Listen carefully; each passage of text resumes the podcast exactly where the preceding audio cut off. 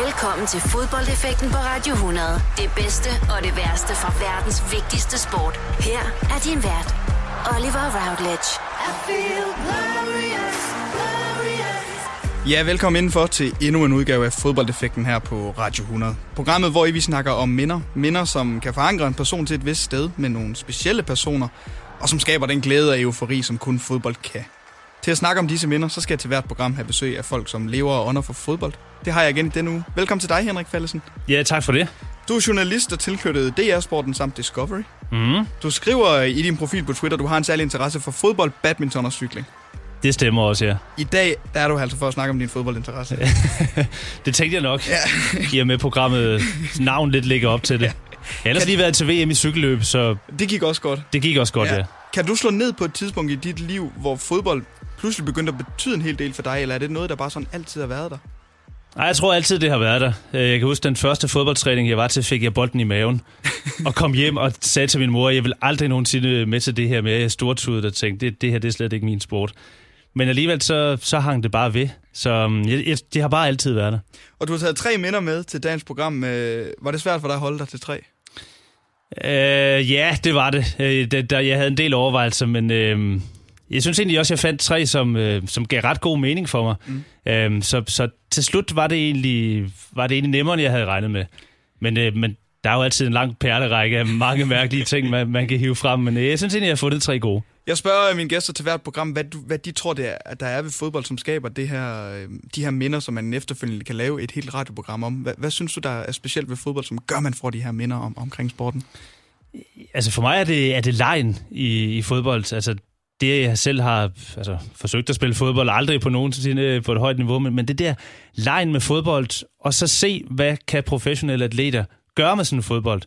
Og hvordan kan man vinde fodboldkamp? Altså det er jo en sport, som er så kompliceret, men vi kan jo godt lide den her tanke om, at alle hold kan slå alle hold. Og det synes jeg er fedt i, i fodbold. Altså, der, der er så mange ting, der kan afgøre en fodboldkamp det, det er sjældent det samme. Øh, det er altid noget nyt vejr, nogle nye spillere, øh, nogle nye dommerpræstationer, alle mulige ting. Og det, det, hvis man koger det sammen, så synes jeg, at fodbold kan noget, som, som meget få sportsgrene kan, fordi det, der, er, der er så mange facetter i det. Og, og det bliver jeg altid begejstret over. Øhm, og så det her med, hvordan tæmmer de bolden? Hvordan vender de rundt med den? Hvordan orienterer de sig rundt? Øhm, hvornår sparker de på mål? Hvornår spiller de en medspiller? Sådan noget. Det hele den der leg i det, det, det har jeg altid været fascineret af. Og jeg har det bedst, når, når jeg har sådan en bold i nærheden. Jeg kan stå en hel aften derhjemme, hvis det er jo det, øhm, og bare stå og slå en, en bold op ad væggen, ja. eller da jeg var lille, bare stå og sparke på målen hele eftermiddag. Det, det var glimrende underholdning for mig. Jeg behøvede ikke mere. Det er glimrende, og fodbold er en dejlig sport. Jeg siger jo i min intro, at jeg synes, det er verdens bedste sport, og det, det mener jeg fuldt ud. Henrik, i aften der spiller det danske landshold i, i Irland, og det skal vi altså lige vende om et øjeblik her i fodboldeffekten. Du lytter til fodboldeffekten på Radio 100 med Oliver Routledge. Fodboldeffekten i denne uge med besøg af Henrik Fallesen. Du er journalist tilknyttet DR Sporten og Discovery. Henrik, i, i aften der spiller det danske landshold på udbane imod Irland i det, der hedder Nations League. Nations League, det, det dækker du. Kan du prøve at rise hurtigt op, hvad, hvad, hvad det egentlig er for en, for en størrelse?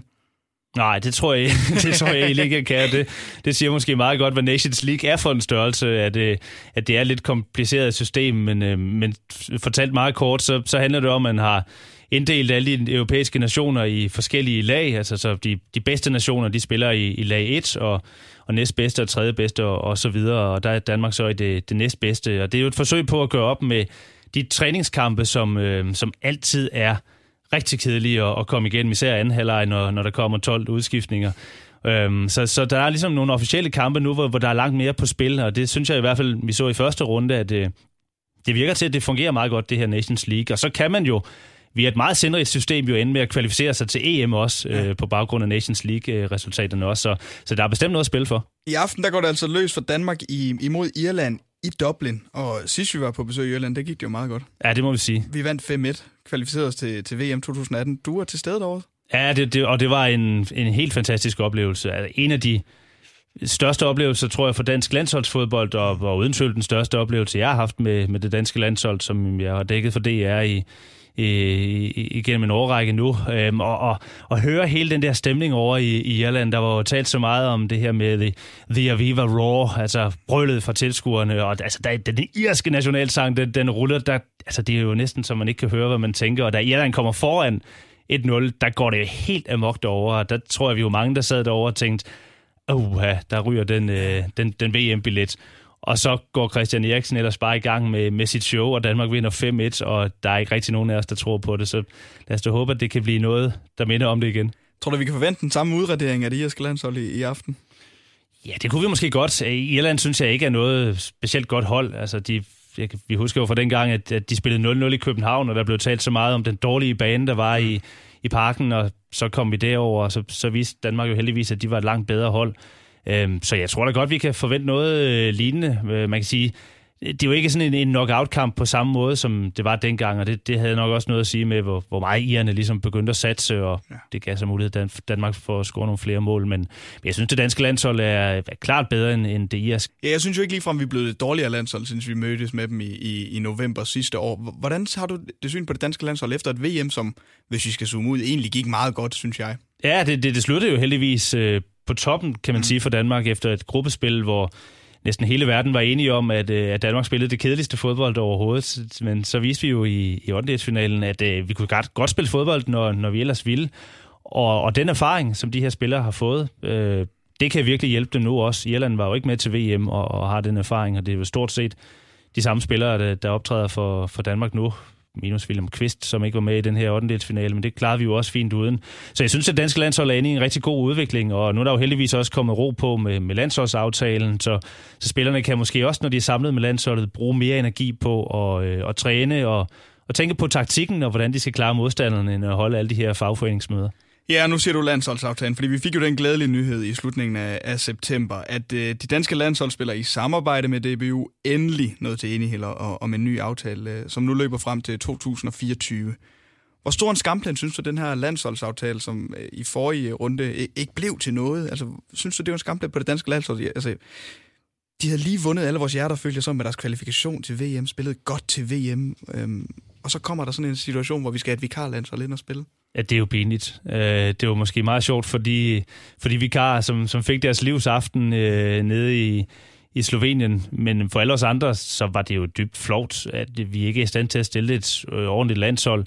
Og lige præcis det her med, at vi slutter øh, VM så godt. Okay, godt nok er vi lidt irriteret over Nikolaj Jørgensen. Han brændte det straffespark, så vi ikke kom i kvartfinalen. Men, men vi synes jo alle sammen, at Danmark spillede så godt mod Kroatien. Og det det forsømmer man så at ride videre på, og, og folk øh, altså er trætte af fodboldspillere, der kræver meget, og en fodboldunion, som, som også vil have noget, og alle de her ting. Altså det, jeg synes, det er ærgerligt, at, at man så får det der store brud der. Det, det er uværdigt, og vi så det med kvinderne også sidste år, at det, der forsøgte man også at ride videre på et EM-sølv. Ja, det er jo helt håbløst. Til gengæld er det jo super godt, at de nu har lavet en aftale på seks år, så vi ikke lige skal igennem det forløb igen. Og med den her Nations League-kamp i aften imod Irland, der kan man jo, hvis alt går vel i det store hele Nations League, kvalificere sig til, til EM 2020. Det er jo det EM, som bliver spillet på tværs af forskellige europæiske lande.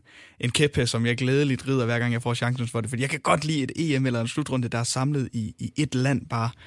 Hvad synes du øh, om det her med, at vi skal rundt i forskellige europæiske lande og, og se fodbold? Jeg synes, det er et, øh, et rigtig godt tiltag, og det var vel noget af det eneste positive, Michel Platini lykkedes med at indføre i, i hans regime som UEFA-præsident. Øh, jeg synes, det, det, det er spændende, og jeg synes, at, øh, at det kommer til at bringe en fodboldbegejstring over hele Europa. Jeg var selv nede til EM i Frankrig for to år siden, og, og, det, det var jo så stort et land, at man kunne se, at der var mange andre nationer, som, som havde nemt ved at rejse til Frankrig og få masser af tilskuere med. I vores år til VM i Rusland, der var der mange tilskuere, der var Øh, bekymret for at rejse over på grund af sikkerheden, så de blev væk. Nu får vi så et EM, der foregår i stort set hele Europa. Det kan kun blive en gigantisk fodboldfest, og, øh, og det synes jeg er, er super fedt, og så skal vi da bare håbe på, at, øh, at Danmark kommer med, så, så Danmark kan spille de her gruppekampe i, i København, så vi også får en, en fodboldfest i Danmark.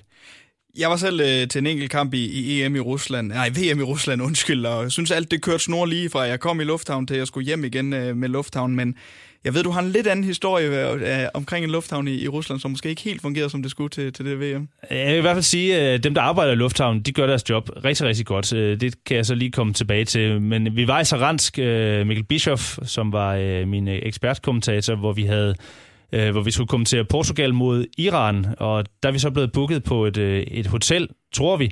Det viser sig, at vi er blevet booket ind på et øh, ægtepars øh, soveværelse, øh, et godt stykke uden for øh, Saransk. Så inden kampen kommer vi derud, og, og vi kan ikke rigtig finde det, fordi det er midt ude i ingenting, og vi kigger jo efter et hotel. Og jo længere vi kommer ud på landet, jo mere siger jeg til Bischof, prøv det her, du skal altså ikke være bekymret, det, det bliver det vildeste resort, der ligger herude midt i det hele. Men det var så en families soveværelse, som vi havde, og vi skulle have to værelser. Der var kun et værelse, soveværelset. Vi skulle have to senge, der var kun én seng, dobbeltsengen, ægtepars, dobbeltseng. Og øh, de kunne ikke forstå, hvorfor vi skulle have to værelser. Øhm, så da jeg så siger til dem, at øh, jamen, altså, vi skal ikke sove i den samme seng også, så kommer øh, familiefaren så op på værelset. Han finder så en lænestol, så lægger han den lige ned, tager han øh, fodskamlen, den lægger han så op i hovedenden, ho- øh, hovedenden, og så viser han så ligesom, så kan man sove i den her lænestol her. Nå, vi skal ind og lave den der kamp, og vi ringer hjem og siger, prøv, I er altså nødt til at finde et andet værelse. Nu har vi været en del dage på farten, vi gider ikke at sove i det samme værelse, og heller ikke i den soveseng. Så finder de et nyt værelse til os, øhm, og, og det ser fint ud, vi ser billederne. Efter kampen tager vi så ud til familien, henter vores kufferter klokken 1 om natten, og vi tænker, at det kan godt blive en lidt svær situation, det her. De står til gengæld med et stort smil, fordi de har tjent 5.000 kroner, og de får ovenikøbet lov til at sove i deres egen seng om natten det hotel, vi så skal ind på, det findes ikke. Vi kan ikke finde det. Selv vagterne i det kvarter aner ikke, at det eksisterer. Så vi ender med at må, øh, må sove i lufthavnen, hvor vi kommer, jeg tror, vi kommer ud i lufthavnen klokken 3 eller 4 om natten. Og det er en meget lille lufthavn i Saransk, øh, og, og der er rigtig mange fodboldfans, der er der. Så vi ender med at sove på en, øh, en bænk lige ved siden af check-in-skranken, når man, eller når man har tjekket ind og ligesom skal igennem ja. security. Så vi sover cirka to meter fra en, en dame, der hver, hvert minut siger, Hello, good morning, how are you? Kachung, så bliver der stemt i passet. Have a nice trip. Så vi sov ikke særlig godt, så da vi laver Kroatien-Island øh, næste aften, der, der er vi noget hængende. Og da vi så får at vide, at vi, vi sender på DR3, og vi er på i hele pausen, hvor vi skal finde på et eller andet, der tænker vi, det kommer vi aldrig igen. Men, øh, men det gjorde vi heldigvis, gjorde så, øh, og vi fik vores søvn på et andet tidspunkt. Ja, det er en god historie fra, fra et VM i Rusland, som på trods af jeres dårlige oplevelse, synes jeg øh, løb meget godt. Ja, det gjorde det, og det synes vi også.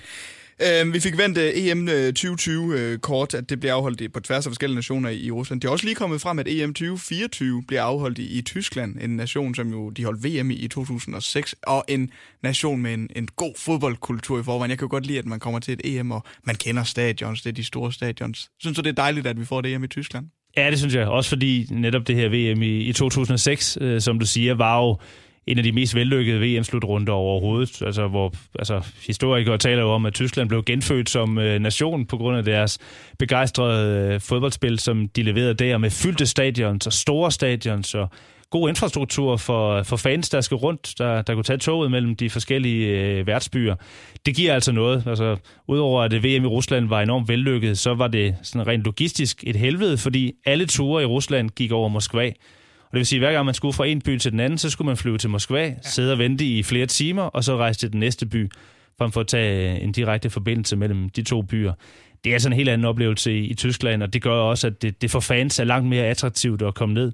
Og så så jeg også ved EM i Frankrig, hvad det vil sige at være i en stor nation med store stadions og, og med masser af tilskuere. Det giver altså bare en helt anden eufori, når det er, øh, når det er en af topnationerne, der holder det her. Så det, det kan både vi og, og alle fans godt komme til at glæde sig til. Der er altså seks år til, inden vi øh, når en, en tur til Tyskland øh, til EM, men øh, jeg glæder mig i hvert fald rigtig, rigtig meget. Om et øjeblik, Henrik, der skal vi have fat i øh, det første minde, du har taget med her i fodboldfækken. Det er også et tysk hold, vi skal snakke om. De spiller imod øh, Manchester United. Champions League-finalen i 1999 imellem Bayern og Manchester United. Vender vi altså om et øjeblik her i fodboldeffekten. Fodboldeffekten på Radio 100. Jeg har i denne uges udgave af Fodboldeffekten besøg af Henrik Falle som journalist hos DR Sporten og Discovery. Henrik, vi skal til dit første minde. Det er Bayern München imod Manchester United Champions League-finalen i 1999. Du har skrevet en lille kommentar til det til mig, hvor der står, jeg kunne ikke holde kæft i overtiden, selv, selvom min mor blev sur flere gange. hvor ser du den her kamp henne, og hvorfor var den så vigtig for dig? Ja, jeg så den på mit øh, barndomsværelse i en, øh, en lille by nede i, i Sønderjylland. Øh, jeg så det på mit, øh, mit, mit fjernsyn, som jeg havde fået, fordi nu havde vi fået et lidt større fjernsyn øh, inde i, i stuen. Og det var dengang, man, øh, man havde antenne på fjernsynet, så, så man skulle tage kanalerne på den måde. Og der var det så lykkedes mig øh, nogle år forinden at finde ud af, at vi jo rent faktisk havde øh, både sat Eins og RTL på det her fjernsyn, så jeg kunne se Champions League. Det havde jeg jo ellers ikke kunne i, i en del år. Så, så jeg så den her finale, og øh, min mor var gået i seng, og, øh, Og, og Bayern München fører jo 1-0, da, da de går ind i, i overtiden, og, og altså, jeg havde simpelthen tysk fodbold på det tidspunkt. Øh, før var vi inde på det her med, med Tyskland, der spillede så godt under VM 2006. Det var jo der, at de begyndte at spille teknisk god fodbold. Ja. Det synes jeg ikke, de gjorde i 90'erne. Det var, det var kedeligt, det var beregnende, og det var med sådan nogle irriterende typer som Oliver Kahn, øh, Carsten Janker, Stefan Effenberg, Jens Jeremis øh, på holdet, som, øh, som virkelig irriterede mig. Øh, og jeg var opvokset i Sønderjylland, øh, hvor der var mange øh, af mine holdkammerater, øh, øh, klassekammerater, som, som havde et forhold til Tyskland. Øh, nogen, der havde gået i tysk skole. Øh, øh, og mange af dem holdt med Bayern München og gik rundt i de her øh, Carsten Janker-trøjer og sådan noget. Jeg kunne simpelthen ikke fordrage det. Så der var ikke noget, jeg ønskede mig mere i verden den aften der, at, øh, at Bayern de tabte. Og, øh, og Carsten Janker har jo et, et saksespark på øh, overlæggeren, og øh, Bayern har et andet skud på, på stolpen også, og United brænder en del chancer til slut. Så da United udligner, så, så farer jeg simpelthen op af, af min seng og råber og står og, og danser. Og min mor, hun, altså hun, er, øh, hun tænkte nok, at jeg lå og sov. Ja. Så hun kommer faren ind og øh, øh, flår døren op, og hvad foregår der her? Og jeg, jeg står der og hopper og danser og forklarer hende, at jamen, øh, der er nogen, der har scoret i en fodboldkamp, og det, det, det beroliger han ikke rigtigt. Jeg får at vide, altså, 10 stille, det, det er sent, læg dig ned og sov. Og så lukker hun døren, og så når hun vel lige at lukke sin egen soveværelsesdør. Hun når vel lige akkurat at lægge sig ned på, øh, på puden igen. så brager det løs igen, og United har scoret til 2-1. Og hun kommer ind og, og endnu mere sur, og, og jeg er jo helt uden for pædagogisk rækkevidde, og jeg står næsten triumferende op i sengen med armen over hovedet, og, og jubler og jubler og jubler, fordi tyskerne har tabt, og, og Manchester United øh, vinder det her. Så det var, det var helt fantastisk for mig, og min mor hun fik, øh, hun fik en irriterende aften og en, en dårlig start på nattesøvnen. så det var Teddy Sheringham og Ole Gunnar Solskjaer skyld, ja. at uh, din mor sov dårligt den Ja, det var det, det, det, det var det i hvert fald, øh, men det var, øh, men det var fedt. Især fordi jeg så næste dag virkelig kunne tryne de der ja. skide Bayern-folk, både i skolen og, og til fodboldtræningen, at nu fik de altså en over nakken endelig. Gjorde det, at du fik et forhold til Manchester United som klub, eller var det bare fordi, du var mod Bayern München? Ja, det var mere fordi, det var mod Bayern München. Altså, jeg kunne rigtig godt lide at se United i de år der, som jo spillede super offensiv fodbold. Øh, øh, Beckham med hans fantastiske indlæg, Ryan Giggs i venstre side med hans super driblinger, Dwight York og Andy Cole med, med det her samarbejde, og Roy Keane, der bare kunne save alle folk over. Men, men det var det her med Bayern. Øh, jeg synes, det var sådan nogle irriterende typer, de havde. Og det er også fordi, jeg havde et forhold til til Tyskland, øh, altså uden at vi skal overgøre det, så, så er Sønderjylland et sted, som har en, en dårlig fortid med, med tyskerne øh, mm. på grund af krigene og sådan noget. Og det lærte vi jo om i skolen på det tidspunkt, og så derfor lærte vi også lidt, at, at tyskerne var nogle værre bavianer. Og, øh, og, og da jeg senere begyndte at få tysk i skolen også, altså, var jeg så dårlig til det, øh, at, at jeg fik et endnu større had til Tyskland. det er så senere hen, det, det blev lavet meget om, og jeg irriterer, det irriterer mig meget, at jeg ikke hørte så godt efter, som mit tysk er ikke så godt folk plejer at blive forbløffet over, at jeg er fra Sønderjylland, men, men man taler dårligt tysk. Ja. Så det var mere det her med, at, øh, at det var tyskerne, der tabte, og det, det, det synes jeg var så øh, dejligt. Senere hen har de jo taget meget revanche med, med hele det her teknisk betonede fodboldspillere, spiller jo vidunderligt fodbold nu, men, men det var bare en anden tid dengang. Så du har åbnet lidt op for det tyske fodbold? Ej, ja, ja, ja, ja, ja, ja, ja, jeg er kommet meget efter det. Det, ja. det, det vil sige, at jeg var alligevel ikke mere glad, end jeg godt kunne se på jeg husker Samuel Kofur, deres genetiske midterforsvar, han, han var helt grædefærdig, og Lothar Matthäus, øh, deres gamle anfører, der var blevet skiftet ud øh, noget tid inden kampen blev afgjort, som gik ned i omklædningsrummet, og, og da han kom op igen, regnede han med, at han skulle løfte den her pokal med de store ører, og så kommer han op fra omklædningsrummet og ser, at Bayern er bagud, og han forstår ikke noget som helst af det. Der, der havde jeg alligevel lidt ud af, af tyskerne også, må jeg sige. Hvis vi kigger på, på startopstillingen hos Manchester United til den her kamp, som jo som sagt ender med at vinde, så vil jeg godt lige bide mærke, at du nævnte dem før, Dwight York og Andy Cole. Ja. De to øh, op på toppen for United. Hvor gode var de i den her tid?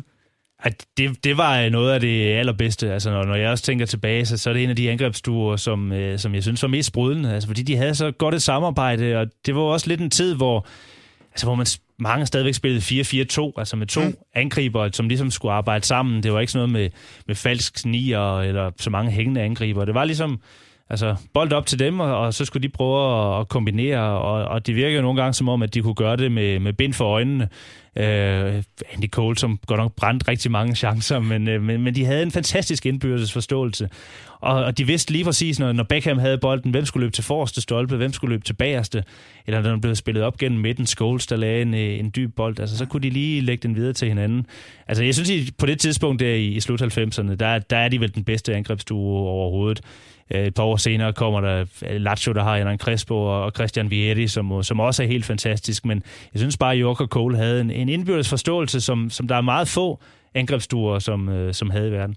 Og så er det jo også en sæson, hvor United med den her sejr, altså vinder the triple ja. i, i 99, altså FA-koppen og, og Premier League og, og Champions League. Er det det bedste United-hold sådan i nyere tid, hvis vi kan tillade os at sige det, som, som du husker det her? Ja, det synes jeg, det var. Ja, også fordi jeg synes, de var, de var mere sprudlende dengang, end, end da de vinder øh, Champions League med, med Cristiano Ronaldo en, en del år senere. Øh, jeg synes, det, det var et helt andet spil. Også fordi altså Beckham havde de her fantastiske indlæg ude fra højre side, og, og Ryan Giggs var jo en, en, en tryllekunstner uden lige, altså havde nogle triplinger, som ingen kunne tage øh, i er det ikke i FA Cup-finalen, hvor han laver det her helt formidable mål, hvor han dribler igennem hele Arsenals venstre side? Ja, det er semifinalen. Og, ja, det er semifinalen. Ja.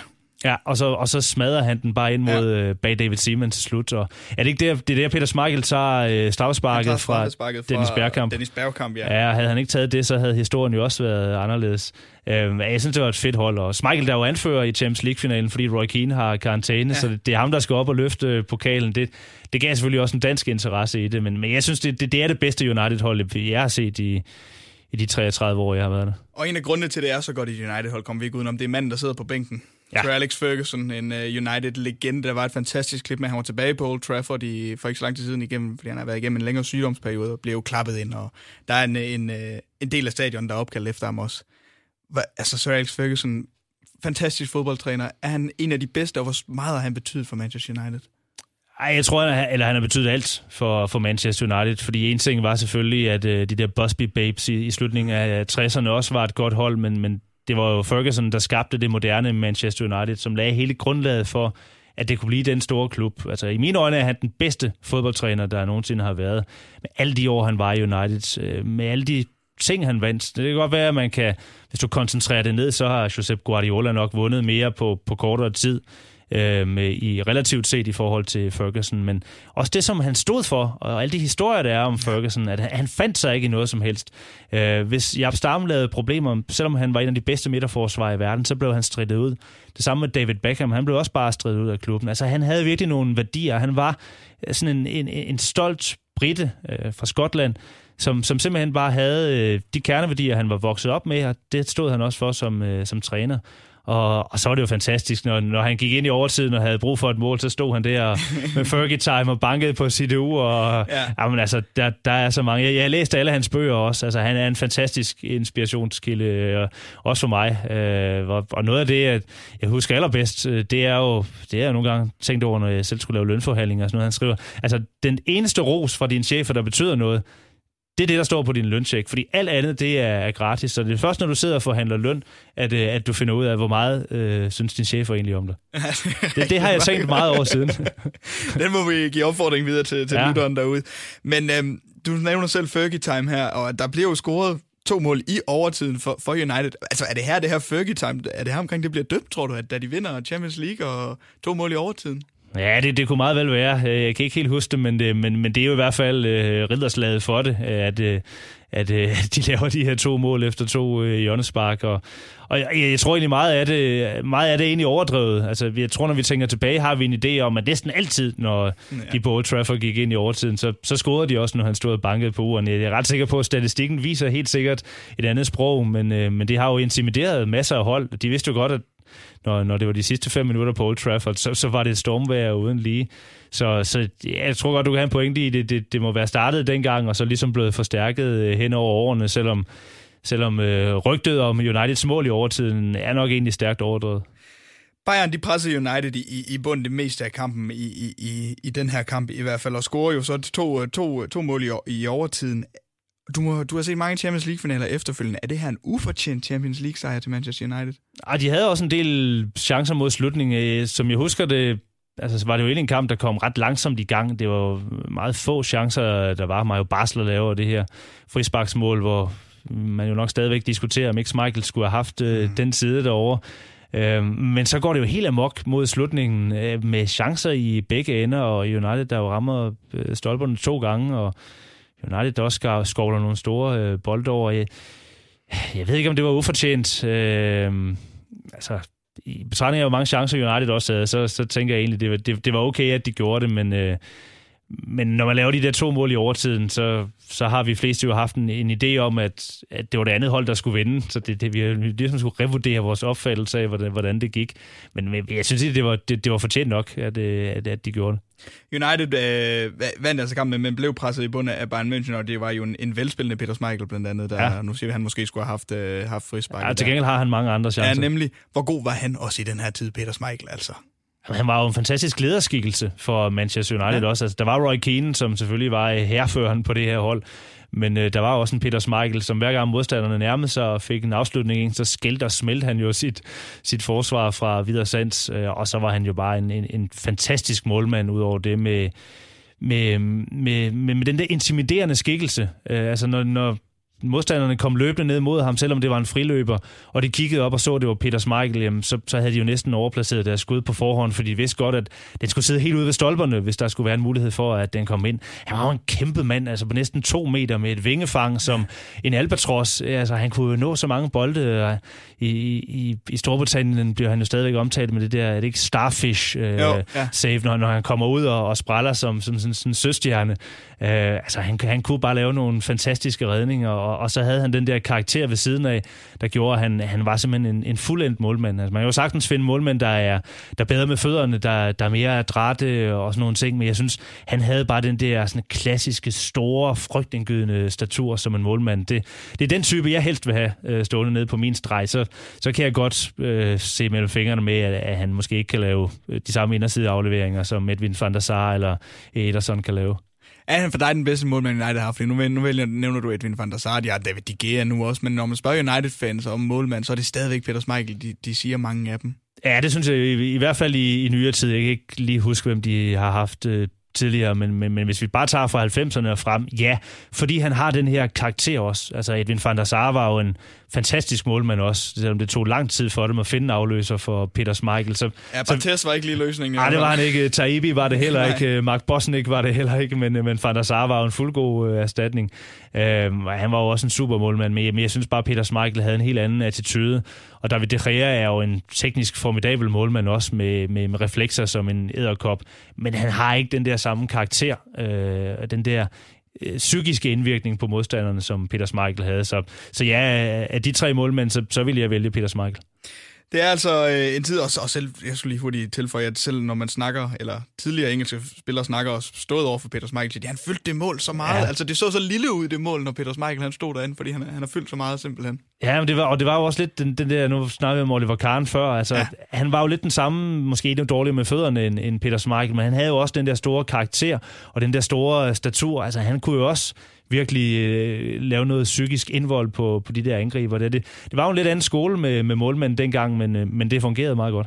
Han står i hvert fald godt her i kampen imod Bayern München United, vinder Champions League-finalen i 1999. Det første minde, du har med i fodboldeffekten her, Henrik Fallesen. Tak for det. Fodboldeffekten på Radio 100. De største og de værste øjeblikke i fodboldhistorien. Vi skal til dit andet minde i fodboldeffekten, Henrik Fallesen. Manchester United imod Real Madrid 4-3 ender den her kamp tilbage i, i 2003.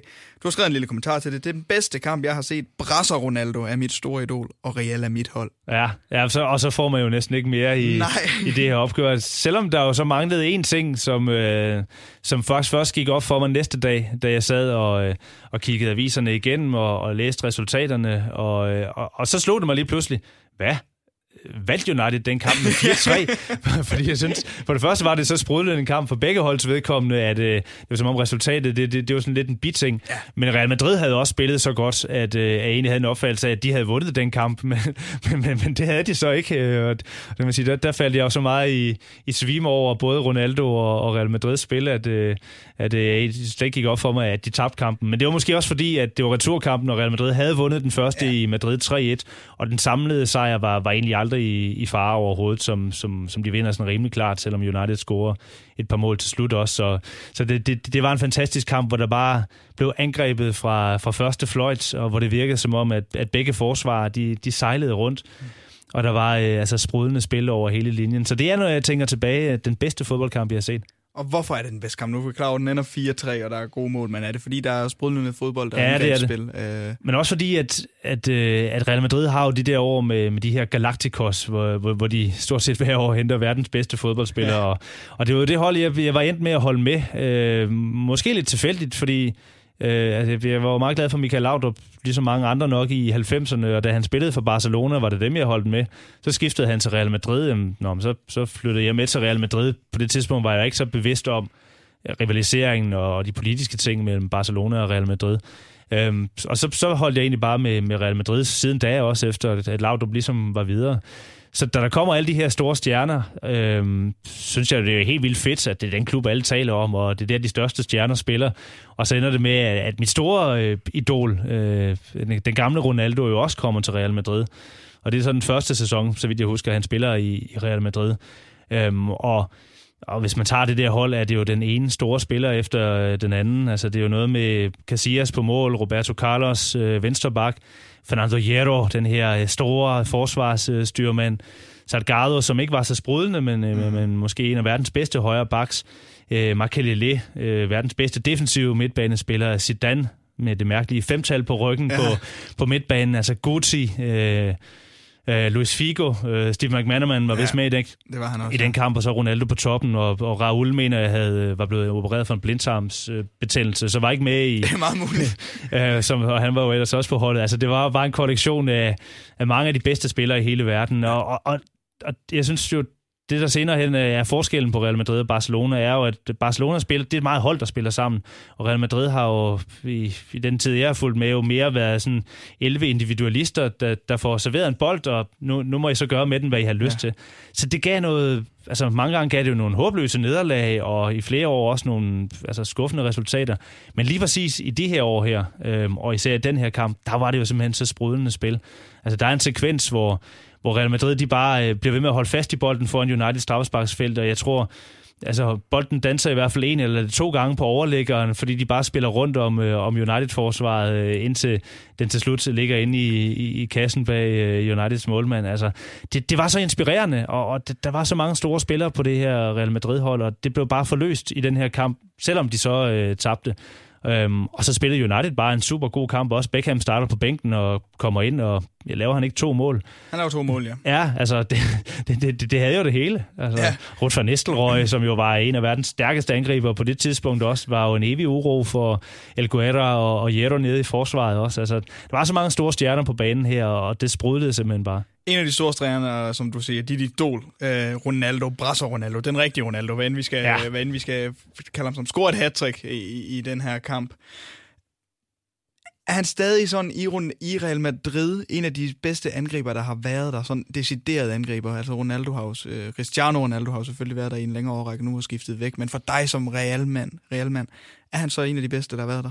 Ja, hvis vi kigger kun på Real Madrid, så, så tror jeg ikke, han er en af dem, øh, som man vil nævne blandt de, de største, fordi så mange år var han der øh, alligevel heller ikke, og, og det var også på et tidspunkt i hans karriere, hvor han havde haft de her øh, mange øh, knæskader, hvor han var blevet en lidt anden type, end han var i starten af karrieren, hvor han jo bjergtog hele verden, og jo også bjergtog øh, mig i mit lille hjem der i, i, i Bollerslev i, i Sønderjylland.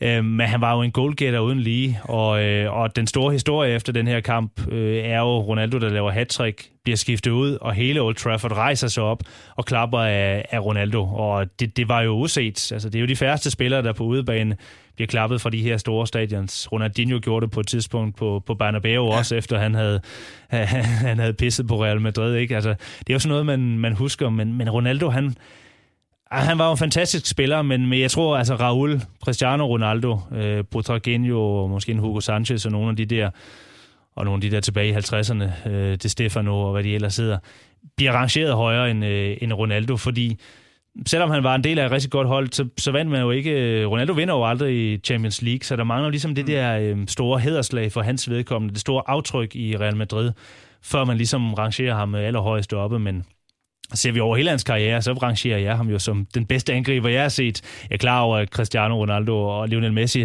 har nogle lidt andre kompetencer og, og, og kan nogle andre ting, men hvis vi kigger på bare den der rene angriber, målreven, så var Ronaldo simpelthen den bedste, jeg har set. Altså, den speed, han havde, de driblinger, han kunne lave, den træfsikkerhed, han havde, det, det var jo helt formidabelt. Så ja. der ser jeg sådan lidt tendenser til, at Kylian Mbappé måske kan, kan sådan fylde hans sko ud lidt på en, en måde.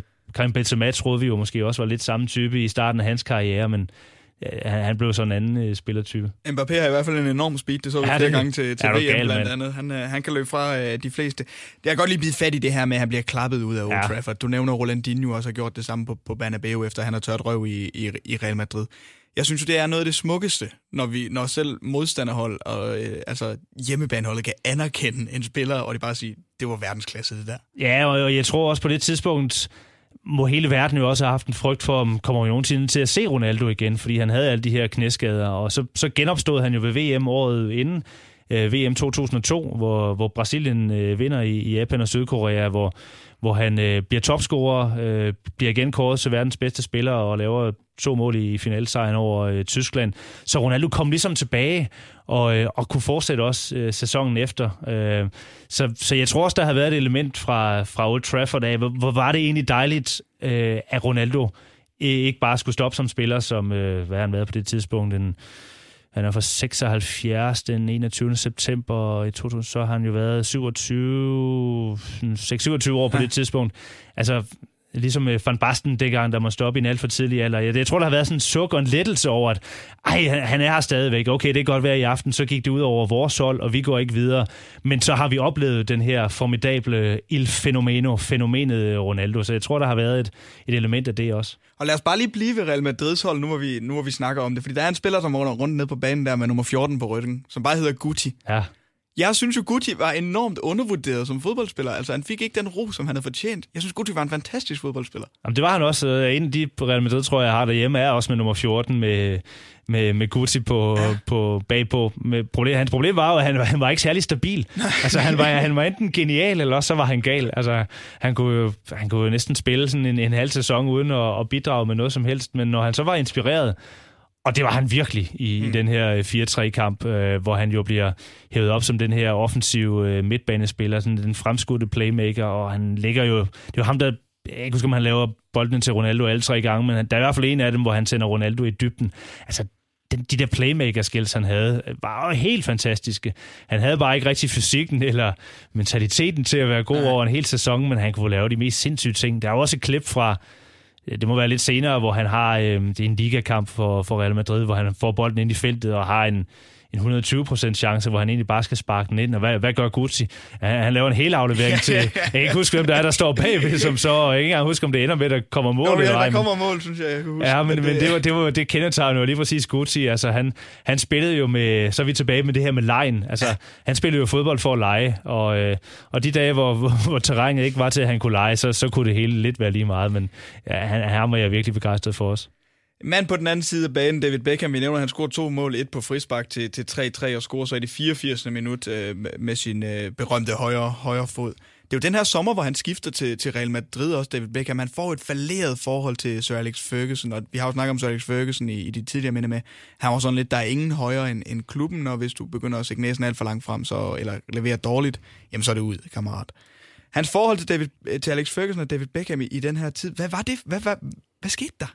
Jamen, var det ikke den med... Det var der, støvlen fløj igennem omklædningsrummet. Ja. Ferguson, der var sur over... Jeg kan ikke huske, hvad det var for en kamp, men hvor han jo bare sparket til en støvle, der så landede med... Var det midt mellem øjenbrynene på, på David Beckham, og øh, han jo... Øh, der var jo de her historier fra tabloidpressen også, hvor, hvordan han jo... Var det ikke noget med, at han ikke havde et plaster på, og han kom gående på gaden, sådan, så de kunne tage billederne af ham og se, hvordan, hvordan havde han fået revnen, og så begyndte de at bore i historien, og, og fandt ud af, at det var Ferguson, som, som vist nok havde sparket til den her støvle. Og der gik de jo ned ad bakke, det forhold, øh, fordi Ferguson jo ikke fandt sig i, i noget som helst, selvom det var jo ham, der havde... Han havde jo opfundet David Beckham, ja. og, og gjort ham til den store spiller i verden, og, og, og tilladt sig nogle ting, som man måske ikke forbinder Ferguson med, fordi han havde det der primadonna-liv med, med Victoria Adams, hed hun ikke det i starten, indtil det blev Victoria Beckham. Det ved du bedre end altså mig, fra, fra Spice Girls, ja. øh, og, øh, hvor, hvor han levede det der rockstjerneliv, som jo meget få fodboldspillere havde på det tidspunkt, og begyndte med tatoveringer. Det var vel Beckham, der skabte hele tatoveringsbølgen i, i fodboldverdenen øh, næsten, og selvom han havde det der lange hår, som kvinder som mænd jo næsten var øh, misundelige over, øh, så barberede han det lige pludselig af og sådan noget. Altså, han, han gik jo så meget op i ting uden for banen også. Og det tillod Ferguson jo så, men, øh, men til slut, jeg kan ikke huske, hvad det var, der gjorde af forholdet, øh, hvad der præcis gjorde, at Stolen skulle igennem rummet. Så gik det bare ned ad bakke, og så fik han det her. Så blev han den næste Galacticos i, ja. i Real Madrid. En fantastisk spiller har også en, en rigtig god karriere i, i Real Madrid, for jo blandt andet han at spille sammen med Thomas Graversen på et tidspunkt. Det kan man ikke... Øh, Ej, for sådan Men altså, en uh, fantastisk kamp, og uh, Ronaldo, som er, er dit store idol, og uh, Ronaldo mod Cristiano Ronaldo, er det så den gamle Ronaldo, du vælger? I den, uh, ja, det er det helt klart. Ja. Jeg, der er jo en ting, jeg fortryder så bittert, så inderligt, det er, at jeg ikke købte en Real Madrid-trøje med, med den rigtige Ronaldos øh, nummer og navn om bagpå. Og så forsøgte jeg at kommentere ved det. Øh, ved at købe en Cristiano Ronaldo-trøje. og det, det er, jeg kan godt høre, hvor fjollet det lyder nu, fordi det bliver bare aldrig det samme. Men, men ja, det, Brasser Ronaldo vil for mig altid være den største. Jeg, jeg bliver næsten indineret, og hvor er jeg glad, Oliver, for, at du ikke har tur sige det undervejs. For når folk kalder ham F-E-D-E Ronaldo. Nej, nej, så, så jeg, jeg bliver så forarvet, og, og, og, jeg kan mærke, hvordan mit blod det næsten begynder at koge. Altså, det, det skal de, ikke, de, skal ikke, de skal ikke vande øh, mit store idol. Jeg har jo en DVD med ham fra VM i 98, som kun handler om alle hans aktioner fra, fra det VM, som jeg, øh, jeg ser den selvfølgelig ikke så tit længere, men, øh, men den kommer i hvert fald aldrig nogensinde til at ryge på loppemarkedet eller noget som helst. Det, det, det, det, det er det rendyrkede Ronaldo-show, det. Det eneste, jeg er imod uh, Ronaldo, det er den grimme måne, han havde til VM i 2002 ja. på sit hår. Den, ja, det, var helt for, det, var, det var helt forfærdeligt, men, men han har jo selv forklaret, at grund til, at han havde det, det var for at tage fokus væk fra Brasiliens kedelige spil, som, øh, som der blev talt meget om hjemme i, i Brasilien, og, øh, og øh, at de ikke spillede sprudlende, ligesom Brasilien skulle gøre. Så var det, at han fandt på at lave den her absurd grimme frisyr, fordi så det det, alle begyndte at tale om. Og så tog det fokus væk fra, øh, fra det knap så, så pæne spil. Men altså, Brasilien endte jo med at blive verdensmester, så så må det ikke, at, øh, at folk var glade alligevel. Ja, må det ikke. Det kan være, det var samme Beckham gjorde dengang, han ville beslutte sig for at dreadlocks, da de ja. var til, til VM på et tidspunkt. En fantastisk kamp, Manchester United, Real Madrid, uh, Champions League tilbage i, i 2003. 4-3 til United, men det føles jo som en sejr til Real Madrid. Ja, det gjorde det. Det gjorde det helt sikkert. Fodboldeffekten på Radio 100. Der er altid noget, man husker. Fodboldeffekten på Radio 100 i denne uge med besøg af Henrik Fallesen, journalist hos Du lytter til Fodboldeffekten på Radio 100 med Oliver Routledge. Det er jo en udradering, som Barcelona de, øh, de laver på, øh, på Real Madrid. Det foregår den 29. Øh, november 2010. 5-0 vinder Barcelona på hjemmebane. Hvorfor skal vi snakke om den her kamp? Ja, jeg er jo så heller ikke større Real Madrid-fan, kan I nok høre, end, end at jeg trods alt godt vil tage et lavpunkt i Real Madrid med. Jamen, det skal vi, fordi jeg synes, det er det er den bedste præstation, jeg har set af et øh, fodboldhold, da, da Barcelona virkelig ruller hele kavaleriet frem. Altså det er jo i de år, hvor de i hvert fald i mine øjne rammer det der tiki-taka-fodbold under øh, Guardiola på, på allerhøjeste niveau, hvor det hele bare flyder. Øhm, og det her, det er ikke bare en kamp mod bundholdet i øh, La Liga, det, det er det, som mange kalder for den største fodboldkamp øh, overhovedet, ud over VM-finalerne og Champions League og, og så videre. Men det er mod mægtige Real Madrid, og det er José Mourinho, der er blevet ansat i, i Real Madrid for at se, om han kan, han kan ødelægge Guardiola, og han kan ødelægge de tre små, øh, Xavi, Andres Iniesta og, og Lionel Messi. Og forventningen er lidt, at det er jo de år, hvor, hvor Mourinho ligesom, alt hvad han rører ved, det, det bliver til guld. Han er den der alkymist, der er heldet til Real Madrid. Og, øh, og, og så løber de ind på Camp Nou, og, og så taber de 5-0. Øh, José Mourinho taber sin første kamp som Real Madrid-træner, og de får på røv og albuer, og, øh, og Barcelona spiller simpelthen så smukt. Og Altså, når jeg bare tænker tilbage på den kamp, så kan jeg næsten ikke huske, at Real Madrid overhovedet var over midterlinjen. Altså, det, det var de jo givetvis, øh, og jeg kan næsten ikke huske, at Ronaldo havde fat i bolden. Han, han rørte den jo nok på et eller andet tidspunkt. Men, men Barcelona var bare så dominerende, og, og det var jo ikke dominerende for, for bare at have fat i bolden. Det var effektivt også, og mange af de her mål er sådan nogle indendørs fodboldmål, hvor, hvor bolden jo bare bliver trillet det sidste stykke ind over stregen. Altså, Real Madrid blev simpelthen udspillet på alle tænkelige øh, kanter, og, og det synes jeg var... Øh, vildt imponerende. Så er vi igen tilbage med, med lejen med bolden, at man kunne lave et fodboldhold, der var så suverænt, samtidig med, at man legede så meget, som øh, Barcelona gjorde. Og det var så også det hold, som, som endte med at vinde Champions League den sæson, 3-1 over Manchester United, hvor... Manchester United blev udraderet fuld Fuldstændig. Fuldstændigt. Og Alex Fergusons, øh, hvad var det, han sagde, han havde aldrig fået så ydmygende et nederlag, ja. og han røg ind i den der Barcelona-karusel bagefter det. Altså det, det var et helt fantastisk Barcelona-hold, der, der var de år der, og det, det, det var virkelig flot at se. Og det er jo ikke et hvilket som helst Real Madrid-hold heller. Det, du nævner, det er jo Jose Mourinho's første nederlag, men det er, det er jo stærkeste opstilling. Okay, de har lige en, en, Carvalho, en 32-årig Carvalho, der, der også starter ind, men det var jo en af Mourinho's øh, yndlingsspillere ja. i, i den her tid. Carvalho og Pepe i midterforsvaret. Ja, og Marcelo, Sergio Ramos, Xabi Alonso, Sami Khedira, Özil, Ronaldo, Di Maria og Benzema. Altså, Ja, det var jo med alle de store stjerner, Real Madrid havde, havde købt, fortsat med at købe i det år, hvor, hvor Florentino Pérez skulle prøve at se, om han kunne genskabe den her Galacticos-æra. Det, det faldt jo med et brag i den her kamp. Der var jo øh, 13 VM-vindere på, på banen i det der opgør. Det siger jo også noget om, hvor, hvor store stjerner der, der ja, var hos, hos begge, begge mandskaber. Men, øh, men jeg synes jo også bare, det siger noget om, hvor, hvor stærke Barcelona var i, i de år der. Altså selvom de har øh, øh på et tidspunkt havde Neymar og Luis Suarez også op i angrebet, så synes jeg aldrig, de var bedre, end da de havde Messi som den falske nier, Pedro i højre side og David Villa i venstre side. Det, det var måske ikke navnemæssigt det stærkeste Barcelona-hold, men jeg synes, det, det var simpelthen der, hvor det harmonerede bedst. Og så med, med, med, med to af de tre små på midtbanen, Xavi og Iniesta, og så Sergio Busquets til at ligge og, og, og støbe de første kugler, øh, og så øh, Piqué og, og Puyol i, i midterforsvaret, og, og Valdez som den her sweeper-målmand, ja. og så Dani Alves selvfølgelig som højre bak, og så Erik Abidal som, som venstre bak. Der, det, det blev, synes jeg, bedre med, med Jordi Alba, men øh, det var jo et fantastisk Barcelona-hold. Og netop fordi det var så effektivt, øh, altså tiki-taka kan jo være dræbende kedeligt også, og det synes jeg også, det var med senere hen med mange Barcelona-kampe, hvor mange tror jeg fandt inspiration i José Mourinho's Inter, der sæsonen inden havde slået Barcelona ud i Champions League-semifinalen ved at stå og forsvare med, ja. med 10,5 mand, uh, Samuel Eto'o som, som højre bak nærmest i, i det opgør. Og folk fandt jo ud af, at ved at stå nede i eget forsvar, kunne man måske godt slå Barcelona. Så det gjorde, at der var mange Barcelona-kampe, der var dræbende kedelige, fordi det var simpelthen bare bolden, der kørte rundt. Og det, det, til slut havde jeg ikke samme fornøjelse af at se det, fordi jeg synes, det var det blev mere kedeligt, fordi der var så få chancer. Men, men det her Barcelona-hold, det kunne skabe alle chancerne også. Og så forsøgte man jo på det spanske landshold at indføre noget lignende, altså EM 2012, hvor, øh, øh, hvor, øh, hvor Spanien vinder. Jeg synes, det, det er noget af det kedeligste, jeg har set i lang tid. De vinder jo altså 1-0, 1-0, 1-0, og, øh, og de har ikke den der farlige angriber, som Barcelona har i, i Messi. De, de bruger øh, Fabregas som, som falsk nier, ikke? Som falsk nier, ja. det fungerer jo overhovedet ikke. Jo, de har bolden i næsten alle 90 minutter, men de laver ikke nogen chancer indtil de møder et italiensk hold, der var blevet lidt for kokke over, Balotelli havde knaldet to ind i semifinalen og spillet offensivt, og så blev de revet fra hinanden med 4-0, fordi de netop øh, uitaliensk ikke længere skulle forsvare. Men det var jo ligesom kontrasten til tiki-taka, at det kunne være dræbende kedeligt at se på. Men det her Barcelona-hold, det gjorde det bare super spændende og effektivt at se på. Ja. Du sagde noget meget interessant før, da du sagde, at Villa, Pedro og Lionel Messi synes, du var den bedste treenighed i, i angrebet for, for Barcelona, og bedre end øh, uh, MSN, som de blev kaldt, Messi, Suarez og, og Neymar. Hvor meget af det er ned til Guardiola, tror du? Fordi de er jo ikke... Jo, Messi er god, Pedro er, er som sådan også god, David Villa synes jeg også var fantastisk, men jeg synes, Messi, Suarez og Neymar bare var tre exceptionelle gode spillere, og ja. også gode sammen. Ja, det var de det også. Altså, det, det var jo virkelig sprudende. Jamen, jeg synes, det var...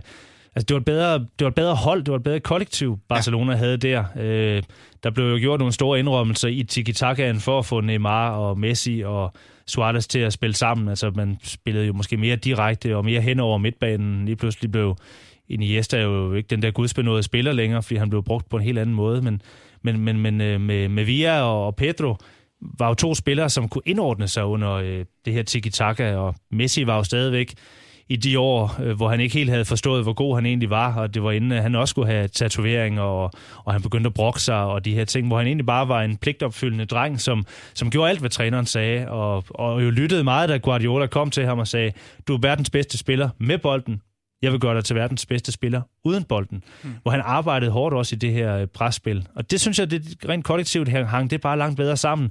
Pedro og Villa var også helt med på, at der skulle arbejde stenhårdt for at vinde bolden tilbage.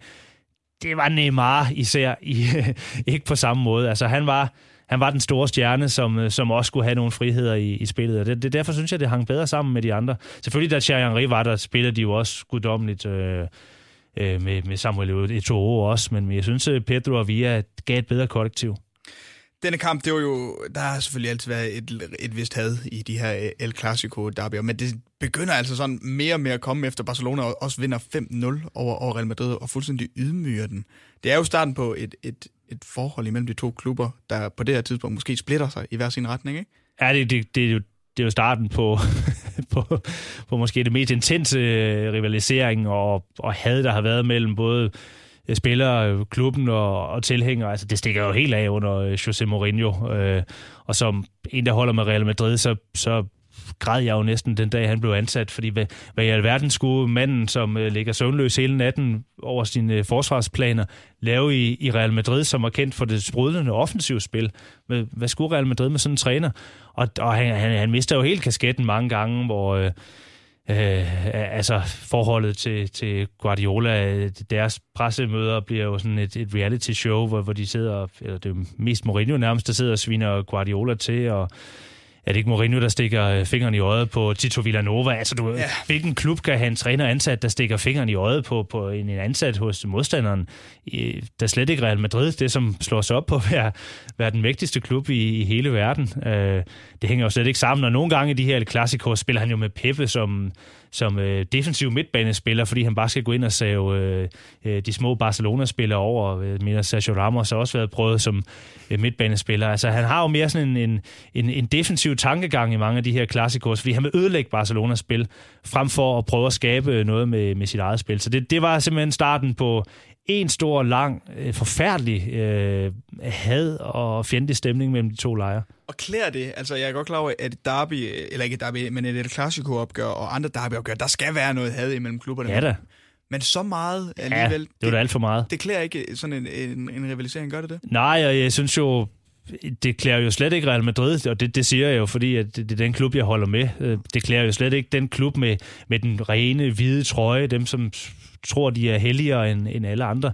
Det, det, det klæder da slet ikke dem, og det er da slet ikke derfor, jeg holder med Real Madrid, for at have en, en træner ansat, der, der tærer sig som et lille barn, og, og bruger mærkværdige tricks for at, at prøve at slå modstandernes øh, spil i stykker. Det, det holder jo slet ikke, og det er jo kun fordi, de her, øh, det, det her sammenhold, der er på det spanske landshold med, med Casillas og Xavi, øh, der til slut finder ud af, at det her er jo stukket af øh, langt, langt, langt over, hvad det kan holde til, at de begynder at ringe sammen og, og begynder at aftale indbyrdes, så nu må spillerne simpelthen arbejde på at, at skabe en bedre stemning når, mellem de her to klubber, så øh, det, det er jo dem, der er spillerne, der er, det voksne, der er de voksne, når det jo egentlig er, er trænerne, og det er især Mourinho, jeg skiller til her, ja. burde være de mere ansvarlige. Ja, fordi det gik jo lidt ud over forholdet på landsholdet også, den her kæmpe rivalisering, ja. der var, fordi altså, der er mange spanske spillere i Barcelona og Real Madrid på det her tidspunkt, og så, når de bliver uvenner, og så ja. meget uvenner, og der bliver skabt det der had, så fungerer det heller ikke på, på samme måde på landsholdet den der tid, gjorde det det? Nej, fordi de kommer jo ind der, og det, det spanske landshold i de år, sådan er det vel stadigvæk, består jo næsten halv Real Madrid og, og halv Barcelona. Ja, der er måske lidt flere Barcelona-spillere på holdet, men det er jo det, de til slut finder ud af, at det, det går jo ikke det her. Altså, vi, vi kan jo ikke blive ved. Altså, når, når vi mødes med, med det spanske landshold, så skal vi jo for Søren kunne spille sammen. Vi skal have god stemning her. Vi er nødt til at, at være mere ansvarlige i forhold til, til det her. Og det, der er jo så heldigvis nogle, nogle, nogle voksne mennesker der i, i, i begge lejre, der, der kan tage sig sammen og få, få ændret det her. Øhm, så det ikke går ud over det spanske landshold, som jo udover at de, de ved nogle slutrunder spiller dræbende kedeligt, i mine øjne, jo, jo laver fantastiske resultater i de her år. En af forgangsmændene for Real Madrid er den her, det her hårde spillestil, som der blev kørt med Mourinho også, og, og som stadigvæk kan, kan han have nogle gange. Han hedder Sergio Ramos. Ja. Han har været aktiv siden øh, 03-04-sæsonen, har spillet 437 kampe, fået 207 gul kort, 7 17 dobbelt gule kort og 7 direkte røde kort, Sergio Ramos. Som Real Madrid-mand, jeg føler jo lidt, at han er en mand, som man elsker at være på hold med, og hader at ikke være på hold med. Altså hvis han spiller for det modsatte hold. Ja, og meget symbolisk får han jo også rødt kort i den her 5-0 øh, af, af Barcelona. Selvfølgelig gør han det, fordi sådan er det jo med Sergio Ramos. Jamen, han er jo en, han er jo en fantastisk skikkelse. Altså, det, det, selvom jeg tror, folk, mange folk tror jeg vil indrømme, øh, ikke over for andre, men over for sig selv, at ham vil man egentlig gerne på at have sit hold. Ja, det er det, jeg Fordi mener. han, altså. han, han, er jo, han er jo et dumt svin. Øh, ja. Selvfølgelig er han det, og han bruger de mest beskidte tricks også. Øh, men han er jo en super leder. Øh, kæmpe forgangsmand og så er han jo bare en god fodboldspiller, når han, øh, hvis man ligesom kan abstrahere fra alle de der svinske øh, ting, han også har. Og det er jo faktisk ham, som... Altså, han kommer jo på, altså på, hvad hedder det, på kant med Mourinho også. Altså, der er jo lidt snak om, om, om det er ham, der er en af muldvarpene sammen med Casillas, der begynder at lægge nogle historier til pressen. Og det er også Ramos, der, der udtaler det der berømte citat med, du har aldrig stået i korte bukser. Altså, Mourinho havde aldrig været spiller, og, det, og, øh, og, og derfor havde nogle dele af spillertruppen jo slet ikke respekt over for Mourinho, fordi han havde ikke selv prøvet at være professionel spiller. Det havde de lidt svært ved, at der så kom sådan en, en teknokrat ind, som øh, havde siddet med nogle papirer og, og øh, sådan forskede sig frem til, hvordan man, man lavede fodboldspil. Men, øh, men han blev jo også en hjørnesten for Mourinho øh, i, i, i det der forsvar, og de vinder jo også mesterskabet på et, på et tidspunkt. Så, så Mourinho fik jo stor gavn af ham, men øh, men, men senere hen har, er han jo bare grået i statur i Real Madrid. Og nu her, hvor Cristiano Ronaldo er væk, så er det jo Sergio Ramos, der er den store stjerne i Real Madrid. Er han for Real Madrid nu, hvad Roy Keane var for United i slut 90 og start 0'erne? Ja, det er han. Det er han. Altså, han er den store lederskikkelse, og han er øh, ham, som alle kigger på, når, når, når der er brug for det. Øh, ham, som øh, kan dirigere dem inde på banen, og, og simpelthen bare på ren vilje kan han øh, levere nogle ting. Altså, Husk på hans hovedstød i Champions League-finalen i overtiden mod Atletico Madrid. Altså, han, han hiver bare sådan nogle ting op, som man måske ikke lige forventer af en øh, midterforsvar. Men, men når det så er sagt, så jeg kan godt forstå, hvorfor der, der er rigtig mange, der har et, øh, et meget akavet forhold til ham. Det her Barcelona-hold, som vinder 5-0 over Real Madrid med Guardiola på bænken, er det det bedste hold i øh, spansk fodbold i nyere tid, måske i historien? Ja, det, det er det. Øh, det er i hvert fald det bedste hold, jeg har set. Øh, så jeg har ikke set det der Bayern-hold i, er det i 70'erne eller er det 80'erne, det kan jeg ikke huske, øh, og Ajax-holdet øh, også i 70'erne eller 80'erne og, og så videre. Øh, det her Barcelona-hold, det, det var bare super godt. De vandt så meget på så kort tid under Guardiola, og de spillede en, en form for fodbold, som der vel ikke er nogen i hele verden, som, som ikke kunne synes om, og det var bare så, så brændende godt. Altså det, der blev kælet med det. Den, den blev vippet rundt med, med førstegangsafleveringer mellem de her superteknikere, som var der, og, og der var bare det noget ballade med dem. Altså, Slatsen fik jo et chok, da han kom ind blandt det her, som han betegnede som dukse, og så, hvad det var for nogle små biler, de kørte rundt i, og han kunne slet ikke forstå, hvorfor de bare gjorde, som træneren sagde. Altså, han var jo en langt større stjerne og skulle have langt mere frihed. Altså, han havde jo passet perfekt ind i Real Madrid, men, men i det her Barcelona-kollektiv, øh, der kunne han bare ikke indordne sig. Og det synes jeg jo også, tjener en, en stor del af æren, at det var mange egenproducerede spillere, og det var folk, der virkelig arbejdede for hinanden i et kollektiv. Det, det synes jeg var øh, vanvittigt godt skabt. Og så havde de jo hele det her UNICEF med, at de, de, de skulle ud og redde hele verden også. Altså, der var jo et helt, helt det her brand med Barcelona i de her år. Sad jeg jo som Real Madrid-fan og virkelig var misundelig over for at tænke, ej, hvor kunne det være fedt, hvis det var Real Madrid, man, man talte sådan om. Ja, det var nogle rigtige præmiedrenge. Ja, det var de virkelig. Det, det, var, øh, det var virkelig, de var heldige, øh, men jeg synes også, det var fortjent, fordi de, de spillede saftsus med godt. Det sidste minde, du har med i fodboldeffekten, Henrik Fallesen. Barcelona vinder 5-0 over Real Madrid 29. november 2010. Du lytter til fodboldeffekten på Radio 100 med Oliver Routledge. Med de tre minder, Henrik Fallesen, så er vi nået til vejs ende i denne uges udgave af fodboldeffekten. Det gik hurtigt. Det gik hurtigt, men det var nogle dejlige minder, du er med. Manchester United i Bayern München 1999, United Real Madrid i 2003, og så altså Barcelona, der udraderer Real Madrid tilbage i, i 2009. Ja, det er jo nogle skønne minder at tænke tilbage på. De to første. du har taget to øh, kampe med, for Real Madrid jo rent faktisk taber til det her øh, ja, det er for, program. Ja, det er Ja, det er sjovt ikke. Nu sidder jeg jo igen med fornemmelsen af, at Real Madrid vandt mod United. Det har du ret i. Det, er faktisk to kampe, de taber. Det har jeg egentlig ikke tænkt over. Vi håber, der kommer en øh, masse flere dejlige fodboldmænd ud i fremtiden, når man ikke der gør det. Det er verdens bedste sport. Og tusind tak for dit besøg, Henrik Fællesen. Velbekomme.